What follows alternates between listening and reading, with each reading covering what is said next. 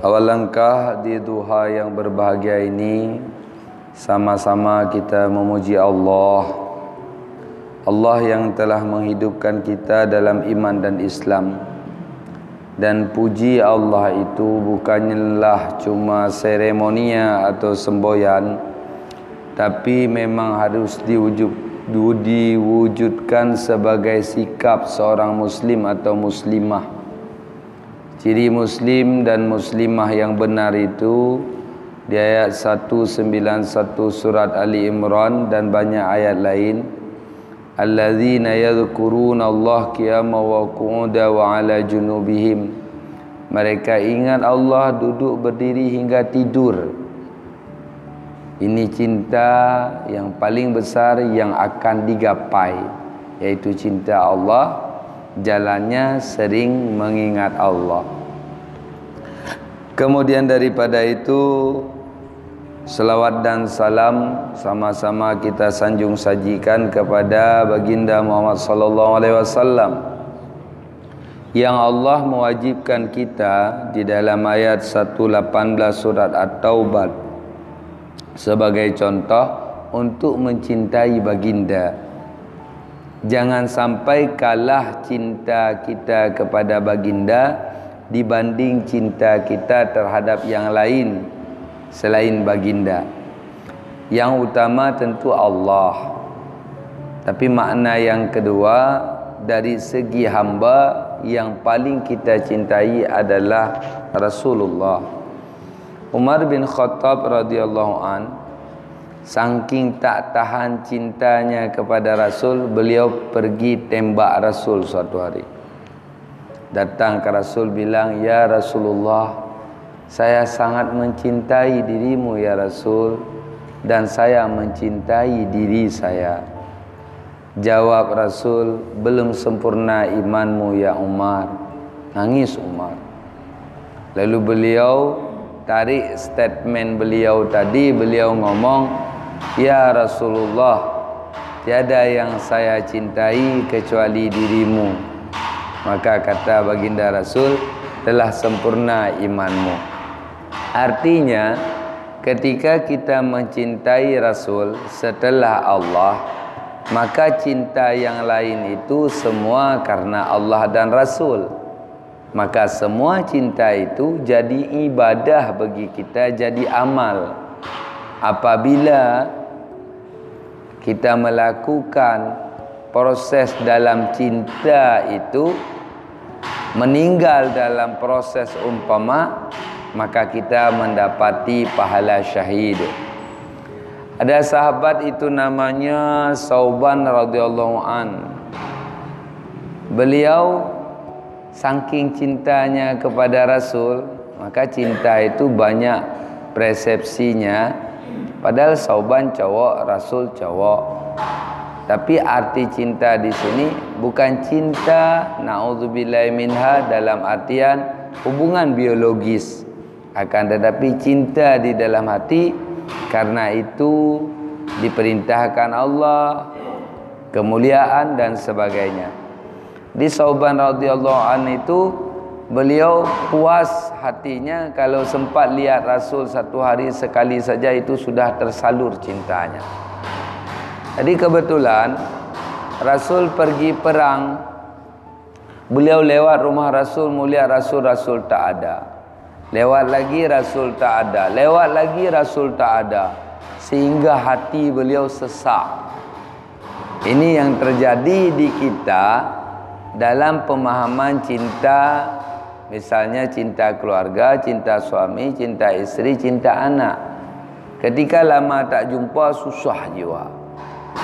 Ini cinta yang di atas cinta itu cinta baginda. Akhirnya beliau duduk di depan rumah Rasul nunggui Rasul sempat riak Rasul saja sudah tenang. Kebetulan baginda Muhammad sallallahu alaihi wasallam perang itu beliau pulang dari perang malam. Ketika beliau pulang lihat Sauban radhiyallahu an di depan rumah sudah bergetar karena kena penyakit demam. Ya Sauban, mengapa engkau duduk di depan rumahku?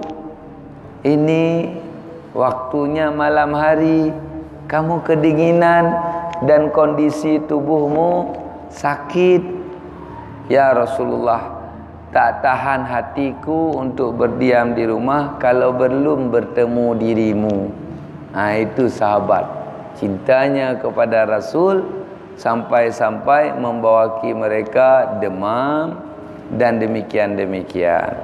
Jadi salah satu sebab hidayah dijelaskan oleh para aulia dalam teori-teori perbaikan akhlak yang mereka ajarkan yaitu banyak-banyak berselawat. Dalam hadis Nabi, "Man shalla alayya marratan wahidatan" Siapa yang selawati saya satu kali, sallallahu alaihi asyara marrah Allah akan berselawat kepada orang tersebut sepuluh kali wa usalli alaihi asyara marrah dan saya akan berselawat terhadap orang tersebut sepuluh kali. Jadi agungnya kita ketika berselawat Allah panggil-panggil nama kita. Dan baginda Muhammad sallallahu alaihi wasallam mendoakan kita. Jadi banyak-banyaklah berselawat sebagai amalan zikir bagi pribadi kita masing-masing. Kemudian daripada itu, penghormatan kemuliaan kepada BKM Masjid, Imam Masjid, juga kepada pengurus Ra'il Sulfata Darut Tauhid yang sudah memfasilitasi kita beribadah di dalam masjid ini yaitu dengan menjalankan majlis ilmu. Kata baginda, inna majlisal ilmi yakfiru sab'ina majlisil lahwi sesungguhnya majlis ilmu itu akan menghancurkan 70 majlis kejahatan jadi kita tidak sadar dengan duduk di sini ada kerja malaikat membunuh kemaksiatan di luar 70 nah berarti Salah satu metode dakwah adalah begini rupa. Salah satu jalan amar ma'ruf nahi mungkar adalah begini rupa. Walau secara kasat mata tidak nampak tapi secara abstrak itu terjadi. Kemudian sangat banyak pahala di dalam belajar. Kata baginda contoh kepada Ibnu Mas'ud, ya Ibnu Mas'udin julusuka sa'atam fi majlisil ilmi la tamassu kalaman wala taktubu harfan afdalu min sab'ina raka'ah wahai ibnu mas'ud duduk engkau sedetik saja pada majlis ilmu tidak memegang pulpen dan tidak menulis satu huruf pun afdalu min sab'ina raka'ah lebih mulia daripada 70 rakaat salat sunat sehingga nilai pahalanya sangat tinggi Judul pembahasan kita hari ini diangkat yaitu menebar cinta di Ramadan. Cinta itu kalau kita artikan dengan bahasa kita, abangnya suka. Kakaknya demen kalau bahasa Melayu. Jadi suka yang bersangatan membuat rasa cinta timbul di dalam dada. Sekarang kita mengangkat judul menebar cinta di Ramadan. Enggak mungkin. Enggak mungkin nebar cinta kalau tidak ada rasa suka. Maka bisa kita menebar hal itu ketika suka telah timbul. Di dalam jiwa baru bisa ditebar cintanya. Kalau tidak itu namanya cinta palsu atau cinta monyet. Karena yang ditebar sebenarnya adalah tipuan. Maka untuk bisa menebar cinta dalam Ramadan dengan persepsi yang kita ingin angkat tentu seseorang tersebut mesti didasari oleh keimanan. Iman ilmu tauhid membahas arti iman yaitu jazmul qalbi, keyakinan hati. Jadi ketika sesuatu telah diyakini maka itu dinamakan iman. Ketika sesuatu diimani maka kita akan menjaga hal itu jangan rusak. Maka ketika kita bisa menyadari agungnya Ramadan dengan pendidikan yang kita jalani yaitu ilmu agama sehingga kita akan timbul di diri kita akan timbul rasa cinta kepada Ramadan. Misalnya hadis Nabi afdalur ramadana ala sairi syuhuri. Oh, salah saya redaksinya. Fadlur ramadana ala sairi syuhuri ka fadlillahi ta'ala ala ibadihi agungnya Ramadan daripada bulan yang lain kaya agungnya Allah dengan segala makhluk. Jadi tak ada banding agungnya. Lalu di kita emangnya kenapa Ramadan jadi agung? Akan dinyeleneh oleh jiwa kita? Bahawa ngapain itu? Itu jiwa karena hakiki jiwa inna nafsa la amaratan bisu. Sesungguhnya jiwa manusia itu menyeru kepada keburukan. Dia nggak bisa terima itu. Maka jangan dibawa dalam konteks jiwa. Dibawa dalam konteks iman. Mesti saya teguhkan bahawa Ramadan itu agung. Maka bodohlah, merugilah, celakalah orang yang tidak mengagungkan Ramadan. Jadi lucunya nafsu kita itu punya rasa malu dia. Sehingga ketika jiwa sudah ngomong bahawa Ramadan itu agung, dia tidak mau malu dia akan ikut. Maka sekarang saya ajarin dulu teorinya. Dalam persepsi ruh. Yas'alunaka anir ruh. Mereka bertanya kepadamu ya Muhammad tentang ruh. Kulli ruha min amri rabbi.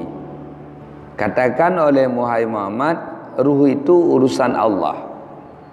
Wa ma utitu minal ilmi illa qalila. Saya tidak diberikan Allah Taala penjelasan tentang ruh kecuali sedikit. Maka ada kalanya ruh itu diartikan sebagai qalbu, hati. Ada kala ruh itu diartikan sebagai yang memberi efek kehidupan, nyawa. Ada kala diartikan sebagai pikiran, ada kala diartikan sebagai nafsu ada kala lagi ditukar namanya ruh sebagai hidup namanya kalbu nafsu kalbu pikiran kalbu ha, ini permasalahan sehingga di dalam kitab Imam Ghazali radhiyallahu an dibahas tentang penjelasan hal-hal yang gaib di pikiran kita ini supaya jadi jelas. Jadi dari luaran kita punya namanya jasadiah tubuh. Jasadiah kita ini bisa hidup karena ada yang namanya ruh. Atau nama besarnya ini kadang-kadang digunakan sinonim kalbu hati. Tapi sekarang kita jelaskan supaya bisa paham. Jasad di luar ruh di dalam. Yang efeknya yaitu untuk memberi hidup pada kita itu ruh kemudian ada namanya fikir yaitu alat yang kita gunakan untuk mengolah data. Ada yang namanya kalbu letaknya di sini di dalam jantung hati. Arti jantung hati bukan hati lever itu. Bahasa Melayu kata-kata hati adalah jantung bukan lever Beda. Kalau jantung bulat begini, lever kayak Sumatera dia. Udah. Jadi hati ini di sini ada hati. Dia adalah tempat menerima hidayah daripada Allah, tempat duduknya iman yang membuat pertimbangan di sini. Kalau memang dunia kedokteran hari ini tidak mengakui bahawa di sini bisa mikir, berarti dunia kedokteran kalah sama dunia artis. Karena di dunia artis disampaikan sakitnya tu di sini, tahu mereka. Tapi kesehatan belum mengakui sakitnya tu di sini, masih di sini sakitnya. Ha? Ha, jadi di sini. Kemudian ada yang terakhir namanya nafsu. Sebenarnya nama nafsu juga belum cocok. Nafsu itu diri artinya. Hawa baru cocok. Hawa kemauan, nafsu diri, kemauan diri. Ada. Kemudian ketika hati memahami ilmu ketika hati memahami ilmu bahawa Ramadan itu mulia dia connect sama pikiran connect sama pikiran benar. Sungguh bodoh kalau tidak terima Ramadan itu mulia. Sungguh orang yang muliakan Ramadan mulia setelah Ramadan mulia di dalam Ramadan mulia sampai meninggal. Ruh diajak dia ikut saja. Enggak ada pertimbangan di ruh. Karena efek ruh cuma untuk i hidup. Kemana rame ke situ saya ada? Kemudian nafsu ini ketika hati telah kuat pikiran telah kuat maka si nafsu ikut serta kayak kita papa mama pergi ngajak anak padahal anak suka main playstation misalnya jadi diajak walau dia terasa terpaksa dia tetap pergi. Namun biasanya dia buat ulah di jalanan. Buat ulah minta boneka lah, mobil-mobilan lah. Ha, ditarik lagi sama mamanya atau di briefing. Balik lagi dia ikut mama. Sudah? Ini dipahami dulu. Ruh, hati sanubari atau kalbu. Sebab nama di luaran dia umum. Ngomong hati makna ruh. Ngomong hati makna nafsu Ngomong hati makna fikir Ngomong hati makna hati Jadi makna kalbu yang kita maksud Iaitu hati sanubari yang ada di sini. Kemudian fikiran Kemudian nafsu. Ada faktor yang kelima yang tidak ada tindakan Tapi dia kerja. Namanya rawan. Sini duduknya. Di antara dua kening di sini duduk dia. Ketika dia keluar kita tertidur. Ketika dia balik kita terbangun Kalau tertidur lagi berarti rawannya sudah keluar. Bahasa Aceh cocok dikit bahasanya Hoija ya rawon-rawon. Nah, Sebetulnya rawannya keluar. Nah, Bukan itu bukan ngangkat dari bahasa Inggris Ngangkat dari bahasa Arab. Karena kalau bahasa Inggris gitu juga bahasanya round round ha? ha ya. Sudah walau hampir sama tapi bukan ya. Sudah ini dari mengerti kemudian si nafsu ini dia didikte kadang-kadang oleh si syaitan. Woi enggak enak tahan lapar. Lemas mulut bau. Apa gunanya? Ayo makan enggak ada yang lihat. Ha. si nafsu iya juga ya. Sudah kemudian si fikir dia ajak untuk mikir kayak dia. Kadang-kadang si fikir gabung sama dia. Sudah si hati tersakiti bukan konyo makanya siapa saja yang buka puasa di dalam jiwanya ada perlawanan. Hati enggak bisa terima. Cuma karena si fikir sudah berkompirasi sama si nafsu, si roh ikut saja. Si hati terpenjara. Nangis dia menderita. Makanya dikatakan orang yang bodoh itu punya kuda tapi ditunggangi orang dan dia jalan kaki inilah si hati padahal yang harus menguasai semua ini adalah si hati inna fi jasadi bani adam mudghah di dalam tubuh anak adam itu ada segumpal daging. Iza salaha apabila daging itu baik salahal jasadu kullu. Baiklah seluruh tubuh. Wa idza fasadat kalau rusak dia fasadat jasadu kullu. Rusak seluruh tubuh. Maka untuk kita bisa menang hati kita harus kuat yang penguat hati ini adalah iman dan ilmu sekarang misalnya kita yang duduk sebelah kanan harus pindah ke sebelah kiri. Kalau tidak nampak kepentingannya, kita tak mau pindah. Rupa-rupanya atapnya bocor dan kehujanan. Maka tersadari di perasaan kita bahwa ini rugi, kita akan pindah. Jadi harus dikuatkan hati itu dengan pemahaman yaitu ilmu dan keyakinan yaitu iman. Baru dia sanggup jadi raja. Dia menjadi penunggang.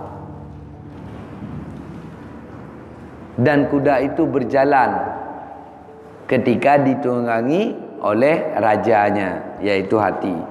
Kalau tidak tubuh kita dikendarai nafsu sedangkan hati tersakiti sehingga hingga nanti hati terbiasa dengan itu hati-hati ikut nafsu. Jadilah munafik atau jadilah kafir. Yang hatinya sudah jadi hati jahat. Sehingga tidak ada penderitaan hati lagi ketika salah. Sudah?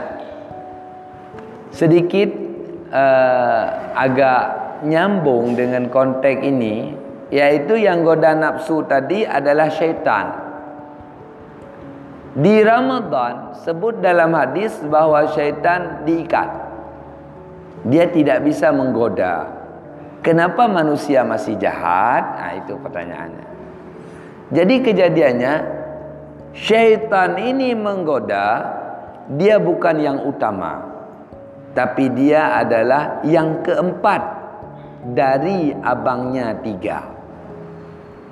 Yang pertama sekali yaitu nafsu. Nafsu kita ini pada maunya inna nafsa la amaratam bisu. Nafsu ini nyeru kepada kebusukan. Dalam surat Yusuf dijelaskan. Ini kita fair. Kita nonton suatu filem yang filem itu hidupnya bebas. Tidak terikat oleh budaya dan agama. Bahkan kayak di Eropa itu seks bebas. Terdesah dalam jiwa kita. Suka kayak demikian. Ingin demikian. Tapi lalu ditonjok oleh hati dosa itu eh. Masuk neraka kamu. Mau mati kafir kamu. Kita tepis itu hilang balik. Jadi intinya si nafsu itu memang nyeru kepada jahat walau dia orang besar dalam hadis rasul kalau bersunyi lelaki dan perempuan di situ ada syaitan tanya Aisyah kalau dirimu ya Rasulullah walau saya tapi malaikat menolong saya supaya tidak terjadi kejahatan Allah menyelamatkan saya dalam bahasanya. Sudah. Dalam tiap hati manusia ada godaan. Jika dirimu ya Rasul walau saya. Tapi Allah selamatkan saya daripada hal itu. Jadi desah-desah jahat ada di kita. Bahkan di Rasulullah ada. Bahkan orang yang sudah stabil nafsunya ada. Yaitu nafsunya sudah nafsu mutmainnah. nafsu yang dapat undangan mati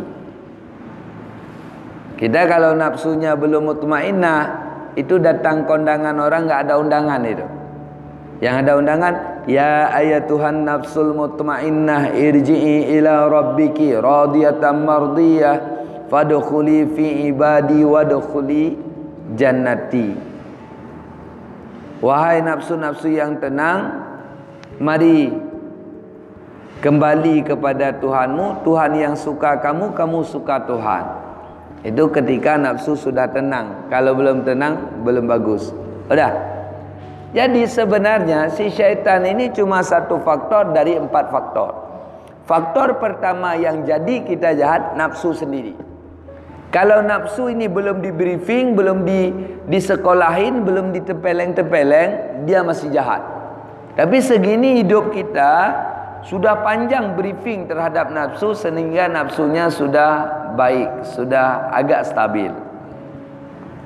Sudah nafsu itu baik, masih bisa jadi jahat. Faktor penggoda kedua yaitu anas manusia.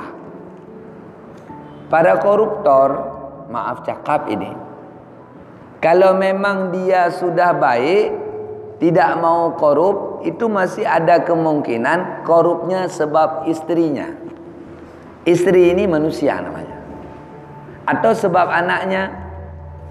Papa, masa udah tahun 2018, kita masih naik mobil 2008. Ini umurnya udah tua 10 tahun Paling kurang kita cari yang tuanya 5 tahun Papa. Papa nggak punya duit. Ujung-ujung cerita korup Ini yang terjadi. Manusia. Yang ketiga Yang menggoda kita itu yaitu dunia.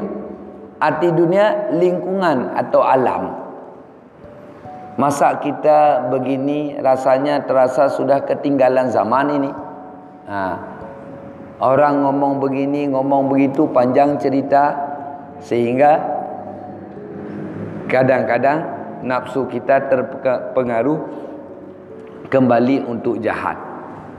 Baru yang terakhir yang goda manusia syaitan. Jadi kita sering mengkambingkan, mengkambing hitamkan syaitan, semua salah syaitan. Padahal kodratnya dia sendiri syaitan kadang-kadang dan syaitan bisa menggoda syaitan. Tidak manusia tok digoda oleh syaitan. Syaitan juga bisa menggoda syaitan. Dalilnya itu supaya kita jangan marah hati di ayat 112 surat Al-An'am. Wa ja'ala likulli nabiyyin adu dan kami jadikan bagi tiap nabi itu musuh. Syayatinul jinni wal ins. Musuh itu dari jenis syaitan manusia dan syaitan jin. Jadi manusia ada yang golongannya golongan syaitan. Dan bisa berubah jadi manusia sejati ketika ia jadi baik bahkan kalau kita lihat kiasan ayat ada yang di atas syaitan lagi kita. Ulaika kal an'am mereka itu seperti binatang. Bal balhum adal. Bahkan mereka lebih keji daripada tabel daftar nama binatang. Kalau dia jahat. Jadi sekarang pembahasannya baru bisa ditebar cinta setelah kita bisa berternak atau bercocok tanam cinta. Cintanya jadi tanaman atau jadi ternak kita. Kita punya banyak cinta. Baru bisa menebar cinta. Baru bisa kita berternak cinta tadi atau bercocok tanam cinta kita harus punya bibit cinta bibit cinta itu adalah ilmu yang ditabur di media iman tanahnya adalah i, iman. Jadi caranya salah satunya banyak membaca. Yang kedua banyak mendengar. Yang ketiga lihat hasilnya. Insya Allah akan mau kita bercocok tanam lalu baru kita pasarkan itu cinta.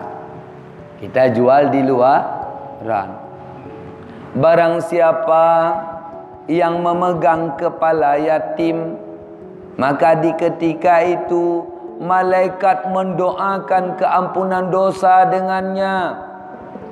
Rasulullah menyatakan ia akan bersama Rasul seperti ini di dalam syurga timbul. Itu bibitnya tadi ilmu. Kita masukkan dalam dada. Rupanya inilah mulia. Ini saya yang mulia. Bapak-bapak pejabat ibu-ibu hebring bodoh saya. Yang mulia tak saya anggap mulia. Yang tak mulia malah saya muliakan. Salah. Ha. Tumbuhlah ia menjadi cinta maka ketika lihat yatim hati kita pilu rasa sayang timbul kita salami dia. Sunat mencium kepala ya yatim kalau kanak-kanak walau wanita boleh yang belum memayit masih di bawah kuota umur tujuh tahun.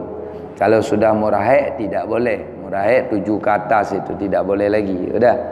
Jadi saya saya sampaikan sedikit karena nyambung bahwa membelai kepala yatim tidak sama dengan membelai kepala anak yang tidak yatim. Kalau yatim itu dibelai dari belakang kita pegang ke depan digosok. Ah yatim. Kalau anak biasa begini. Nah itu bedanya. Kalau semua anak begini Berarti kita nggak ngerti ilmu. Sang ustaz rambutnya nanti uh, apa itu berantakan, tak perlu dipegang keras. Nah, sedikit saja. Seperti wanita pegang wanita kan berjilbab. Ah begini. Cara uh, memegang kepala yatim yang dianjurkan Rasul dan sejumlah rambutnya menjadi keampunan dosa bagi kita. Umar Ustaz saya ketemu yatim yatim botak Ustaz tidak dianggap kalau gede dia sebanyak mana rambutnya? Jadi jangan mikir begitu ya. Sudah itu. Lalu ketika seseorang iktikaf di masjid duduk saja didoakan keampunan oleh malaikat yang ada di arah sana yang ada di sidratil muntaha di langit sehingga kita merasa bahawa Masjid ini adalah suatu tempat yang mulia. Dan banyak lagi. Tadi dengar sosialisasi dari Tengku Andre. Ada buka puasa bersama. Yang mau salur sedekah. Ada nombor rekening. Ada voucher dan sebagainya. Kita ingat. Siapa yang memberi buka puasa kepada orang lain.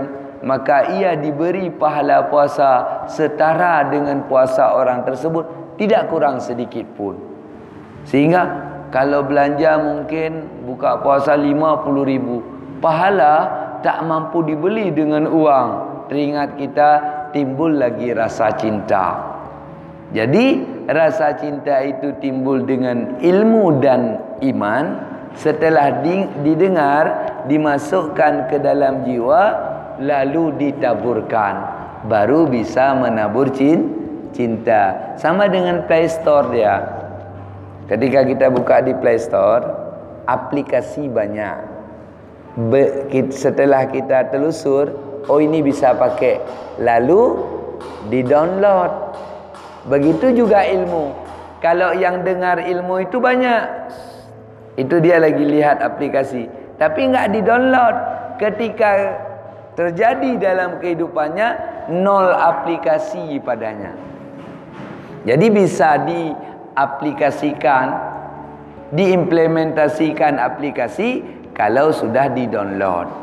Jadi cara downloadnya yaitu banyak membaca, banyak mendengar dari keagungan-keagungan pahala. Diwajibkan memuliakan dua orang tua. Anak durhaka tak akan masuk syurga. Ibadatnya tidak diterima Allah sehingga timbul rasa cinta berbakti kepada orang tua. Siapa yang sujud satu kali di bulan Ramadan, maka Allah berikan suatu khimah. Arti khimah istana di dalam syurga. Yang punya seratus pintu. pintunya buka dua. Dan dihiasi oleh zubarjat dan berlian merah. Dan di dalamnya ada seorang budiadari. Bagi kami pria ada pangeran bagi wanita. Satu sujud satu khimah itu di antara pahala. Berarti kalau 40 sujud 20 rakaat berapa khimah? Saya ustaz enggak usah banyak kali. 16 uh, sujud saja misalnya ya kan? 8 rakaat ya? Nah ini ada orang yang pengen misalnya kita tanya mau gaji 2 juta mau gaji 8 juta atau 20 juta? Rasanya enggak ada yang pengen uh, 8 juta tetap pengen 20 juta berarti kalau 20 juta 20 rakaat ibaratnya sujudnya berapa 40 berarti dapat 40 istana di syurga satu malam belum tambah witir, tambah uh, isyak dan sebagainya. Tapi di dalam masalah pahala paling sedikit dilukiskan itu pahala salat dan pahala puasa. Sedangkan yang telah dilukiskan itu cuma biasnya saja. Besarnya pahala salat tak ada banding. Besarnya pahala salat tak ada banding sehingga para ulama menyatakan setelah memahami hadis dan ayat bahawa satu salat dibanding satu hari puasa masih besar satu salat. Satu salat dibanding satu paket haji umrah masih besar satu salat. Satu salat banding satu perang masih besar satu salat. Jadi salat itu sangat besar nilainya dan nanti-nanti kalau yang ingin menabur cinta di Ramadan cinta sedekah, cinta berbakti, cinta itikaf, cinta baca Quran, cinta majlis ilmu. Kalau satu cinta salah, maka hancurlah semua cinta, yaitu cinta solat. Seseorang yang solatnya tidak benar, maka dia belum menjadi pencinta solat. Dia adalah pencinta bayangan. Tak akan pernah bisa digapai. Ini yang terjadi. Maka lebih-lebih ini momennya mau Ramadan, bereskan salat. Kadang belum ada yang pernah, ada yang belum pernah uh, USG Fatihah. Silakan di USG. Coba lihat Fatihah saya di dalamnya ada rusak enggak? Suruh dengar sama orang yang bi bisa. Begitu juga gerak salat. Diperiksa di mana ada salahnya. Jangan sampai kita masuk dalam kategori hadis Rasul kam min qaimin laisa lahu min qiyamih berapa banyak orang yang salat tidak dapat pahala apapun dari salatnya illa ta'bu wa nasbu kecuali capek dan payah al musalluna kathir orang salat itu banyak wal muqimuna salah qalil Sedangkan orang yang mendirikan salat di dalam dunia ini sedikit tidak banyak. Ada orang salat Isya empat rakaat. Qabliyah sama Ba'diyah empat lapan. Tambah Tarawih dua puluh. Dua puluh lapan. Tambah Witir tiga. Tiga puluh satu. Ternyata Fatihahnya salah di satu ayat. Berapa rakaatkah ia salat? nol rakaat. Karena 31 kali nol sama dengan nol. Kata baginda, la salata liman lam yakra bi fatihatil kitab. Tidak ada salat bagi orang yang tidak membaca Fatihah kitab. Maka itu semua harus dibereskan sehingga insya-Allah baru cinta yang ditabur akan bersemi menghasilkan cinta Allah terhadap penabur cinta. Tapi cinta yang ditabur akan merugi. Akan menyebabkan benci Allah terhadap dia karena ia selingkuh dengan kejahilan. Dia selingkuh dengan kesalah kesalahan, tidak ikut Allah. Kemudian ketika kita benar-benar bersungguh-sungguh ingin menabur cinta di Ramadan supaya Ramadan kita itu berbunga-bunga didasari ilmu dan iman tadi barulah cinta itu berhasil ketika berhasil amalan yang kita kerjakan itu menyebabkan hidup kita yang lalu itu dibuat Allah dari jelek menjadi indah. Sebagai contoh dalil ini saya lihat di An-Nisa ayat 31 in tajtanibul kaba'ir. Kalau kamu itu menjauhi dosa besar matun hauna apa yang dilarang anhu daripadanya dosa besar nukafir angkum sayiatikum. Allah akan hancurkan kebusukan-kebusukan yang ada di kamu wa nudkhilkum mudkhalan karima dan Allah akan memasukkan kamu kepada tempat yang sangat mulia yaitu syurga. Ayat 31 An-Nisa. Rumah kita gubuk derita. Ini rumah dulu. Kita menabur cinta di Ramadan dengan memperkaya diri memperbanyak ibadah. Itu makna memperkaya diri maka rupanya ada tim apa itu tim ada di acara TV itu rumah kita disulap jadi rumah bagus. Bedah rumah ya. Ha. jadi ketika kita kebetulan ada acara di tempat lain selama tiga hari pas balik rumah kita tadi jadi rumah indah. Jadi apa yang kita kerjakan di Ramadan ini akan memberi bekas untuk ke depan la'allakum tatakun kamu jadi orang yang takwa dan memberi bekas ke belakang kehidupan yang kacau yang lalu di balik Allah yubaddilullah sayyiatihim hasanah Allah balik yang jelek jadi baik ini sangat-sangat menyenangkan kalau diartikan di dalam arti kehidupan. Lagi si puntung temejaro bahasa Aceh. Saya tak punya tangan. Pada suatu hari mimpilah di dalam tidur keluar tangan dan ada tangan sedia kala seperti di sejarah sahabat. Maka ketika terbangun benar ada tangan. Maka euforia saya mungkin loncat-loncat kalau rumah saya di Darussalam sampai ke Penayung saya terus loncat-loncat. Begitu bahagianya punya ta tangan. Maka akan dapat kebahagiaan itu. Maka kebahagiaan itu dirayakan Allah dengan Aidilfitri. Hari berbahagia karena sudah dapat tangan. Dapat yang tadinya uh, tidak mungkin sudah ada. Kemudian contoh lain di ayat 7 surat Al-Ankabut. Wallazina amanu orang-orang yang imannya beres, iman didasari ilmu wa amilus salihat lalu dia beramal sesuai aturan. Amal yang didasari ilmu lanukaffiranna sungguh Allah hancurkan anhum sayiatihim bagi mereka itu kebusukan mereka. Wala wala najziyannahum ahsanal ladzina kanu ya'malun dan sungguh Allah akan membalas kepada mereka itu akan sebaik-baik balasan atau pahala kanu ya'malun apa yang mereka kerjakan. Misalnya daftar gaji mayoritas upah minimum rata-rata misalnya per hari 100 ribu. Kita lihat sekarang orang kerja di kantor kepala dinas per hari berapa? 1 juta.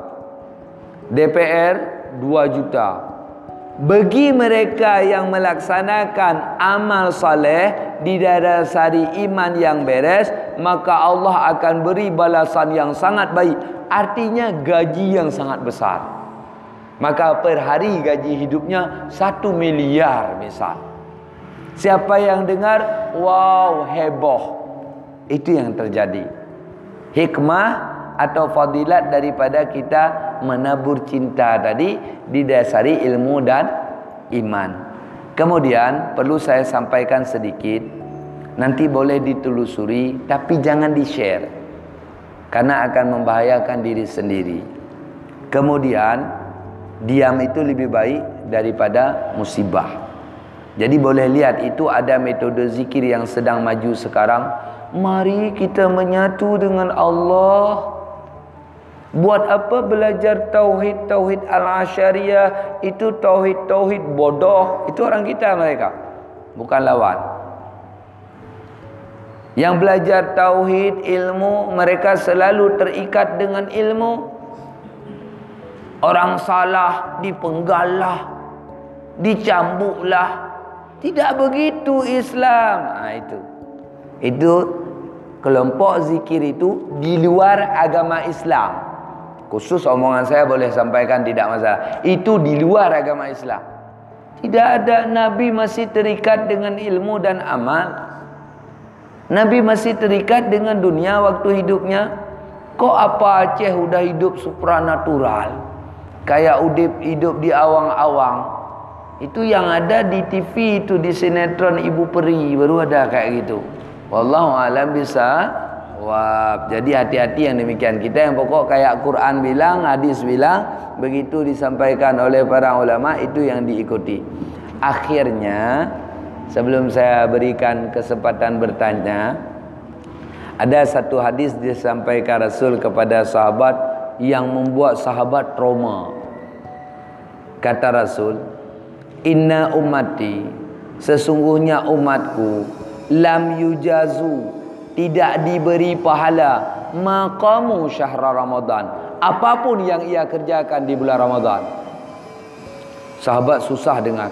Ya Rasulullah ma khidhihum ya Rasul apa salah mereka? Kok enggak dikasih pahala sedangkan mereka sudah mendirikan Ramadan. Jawab Rasul yang pertama manin tahaka fihi muharraman. Orang yang tidak cegah haram. Ini kita wanita atau pria sama dalam menjaga diri dari dosa itu sulit. Di teori atau ngomong mudah. Dalam mengamalkan so sulit.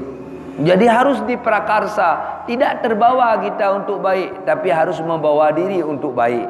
Untuk jadi orang ba baik dilawan untuk mendapati nikmat hakiki di akhirat kelak kita wajib mengalahkan nikmat semu selain yang dihalalkan yang ada di dunia ini. Sudah? Kemudian daripada itu au amala sayyatan atau dia berbuat keji. Buat keji ini buat yang itu memang sudah masuk dalam kategori pertama dosa tapi ada imbasnya untuk orang lain. Fitnah misalnya, nganiaya misalnya dan sebagainya. Au syaraba khamran atau dia minum tua, minum air mabuk. Au zana atau dia berzina wala anahu Allah wa malaikatahu. Wa malaikatahu fis samawati illa misli minal haulin. Dan dia dikutuk oleh Allah dan malaikat sampai tahun selanjutnya. Fa imata kalau dia mati fa bainahu wa bainal am fa imata ha, saya lupa. Fa'imata walaisa indallahi. Uh, tidak tidak teringat saya mohon maaf. Pokok ujung hadisnya dia dikutu Allah. Dari Ramadan itu ke Ramadan ke depan kemudian kalau dia mati nol pahala di sisi Allah. Kalau dia kerjakan kesalahan di Ramadan tapi ini enggak mungkin Ustaz. Tak mungkin tak ada dosa di Ramadan. Bagaimana caranya ketika dosa terjadi segera sesali diri mohon ampun kepada Allah dan bercita-cita jangan lagi diulangi. Jangan santai terhadap dosa. Ini ini ini yang di depan ini model santai terhadap dosa ini. Ha, sama semua. Sore jam 5 hidupin kereta keluar. Yang banyak laku kue yang jualan mesti yang cantik. Nenek jualan Neneknya jualan bingkang, neneknya terade jual bingkang. Ha? Enggak laku-laku jual ade. Begitu keadaan. Itu dosa. Memang Ustaz kalau yang jualannya cantik, itu pelet kita Ustaz. Rencana enggak berhenti, berhenti. Kalau memang uh, apa itu kapasitas penjualnya memang cocok untuk berhenti walau dia cantik tak jadi masalah. Karena yang kita senter apa? Kuihnya banyak, pilihannya ada. Dan sangat ironi saya kadang-kadang naik pitam cuma karena mikir Ramadan. bahasa yang ditanya kepada kuih semuanya bahasa pornografi sindiran ha. yang jualan pun sama sama yang yang beli satu merek itu yang terjadi jadi jangan demikian kita boleh bukan tidak boleh nanti ketemu saya uh, beli kuih yang jualannya misalnya yang muda kalau ketemu saya tentu saya juga di situ. Tengku kok di sini? Ha, kan itu. Jadi kajiannya apa? Kadang dia di sudut, pasti dia jualan kurang laku karena tempatnya susah. Orang datang ke situ misal, lalu kita belanja di dia supaya banyak laku dia. Sayang kuihnya tinggal, itu hebat. Tapi yang paling hebat tahu belanja kuih. Habis maghrib Kenapa demikian? Karena di ketika itu hati yang jualan kuih lagi sesak. Kapalo oronyo. Habis rugolom. Ha? ha? Jadi kalau mampu beli habis maghrib kau banyak duit silahkan. Bawa ke mana lagi Ustaz sudah buka puasa? Ada orang tadarus. Ada orang di masjid musalla lagi tara taraweh. Ha, itu hebat. Yang beli kuih habis maghrib. Bukan cari murah. Berapa bu? Satu potong? Seribu. Dua, dua seribu bisa bu? Enggak deh ha, daripada enggak laku? Ha, kita ancam ha? Ha, jangan demikian ya. ha, jadi mungkin demikian. Mari menabur cinta di Ramadan. Arti cinta cinta menggapai banyak pahala Ramadan itu detik berjalan di atas emas dan berlian Maka mari kumpulkan sebanyak mungkin berlian seperti cerita di masa Nabi Musa ada tiga orang manusia tersekap di dalam gua. Kemudian mereka coba terobos untuk keluar, alhamdulillah berhasil. Tapi mereka penasaran dengan apa yang ada di dalam gua itu. Tadi mereka memegang banyak gumpalan yang keras dan ketika dipukul suaranya agak beda. Tapi di dalam gua itu gelap gulita. Maka seorang dari mereka setelah meraba tidak ambil apa-apa. Seorang lagi mengambil dua genggam dari apa yang ada. Seorang lagi dia masukkan ke bajunya, dia pegang dengan tangannya dan keluar. Setelah mereka keluar, pintu gua longsor kembali tertutup. Pas dilihat apa yang ada di tangan, rupanya emas. Maka yang tidak ambil tadi Dia merasa dirinya celaka Dan sesal hidupnya Yang ngambil dua genggam Kenapa cuma segini Yang ngambil banyak Andai ku tahu Dalam mulut juga ku bawa ha, Begitu so, Seandainya dia tak tahu Maka Sebanyak mana kita menggapai Ramadan Seitulah pintar kita Itulah tingkat EQ kita Berarti kalau kita tidak coba coba capai Ramadan dengan benar, berarti kita orang yang EQ-nya rendah sampai level idiot. Ha? Ha. Dan orang yang pintar itu orang yang selalu memanfaatkan waktu. Karena siapa yang paling miliarder di kita ini semua atau di sedunia tantang mereka Coba beli detik yang sudah dia lewati dengan uang dia, dia tak akan mampu. Walaupun Allah anugerahi langit dan bumi milik kita, belilah jam 8 tadi. Coba beli, mampu? Tak mampu. Maka waktu yang sudah dilewati tak akan bisa digapai lagi. Maka kata baginda dalam hadis yang sahih, min husnil mar'i tarkuhu malayuni. Orang yang pintar itu, orang yang ahli syurga itu, orang yang baik, baik itu mereka meninggalkan hal yang tidak berguna. Tidak di Ramadan, dari sekarang dan ke depan, tinggalkan hal tak berguna. Makanya kalau kita survei ke jamaah pria atau wanita itu yang tidak mengamalkan hadis itu rumahnya catatan akhir daripada hasil survei mekleep Ha, itu bahasa Yunani kuno. Ha? Ha. Karena sampah di situ, rice cookernya. Itu rice cooker kadang-kadang kita lihat penuh dengan hiasan. Ya, kotor nasi sebulan yang lalu masih di situ hitam. Kenapa? Gara-gara sering menunda waktu. Kenapa banyak yang bajunya taik lalat? Karena nunda nyuci. Karena berkeringat disangkut, alah singa tacok. Akhirnya bertaiklah lalat. Itu yang terjadi. Maka semoga Ramadan ke depan mubarak bagi kita. Ramadan ke depan menjadi sebab kita takwa dan semoga sebab Ramadan Allah cinta kepada kita. Amin ya rabbal alamin.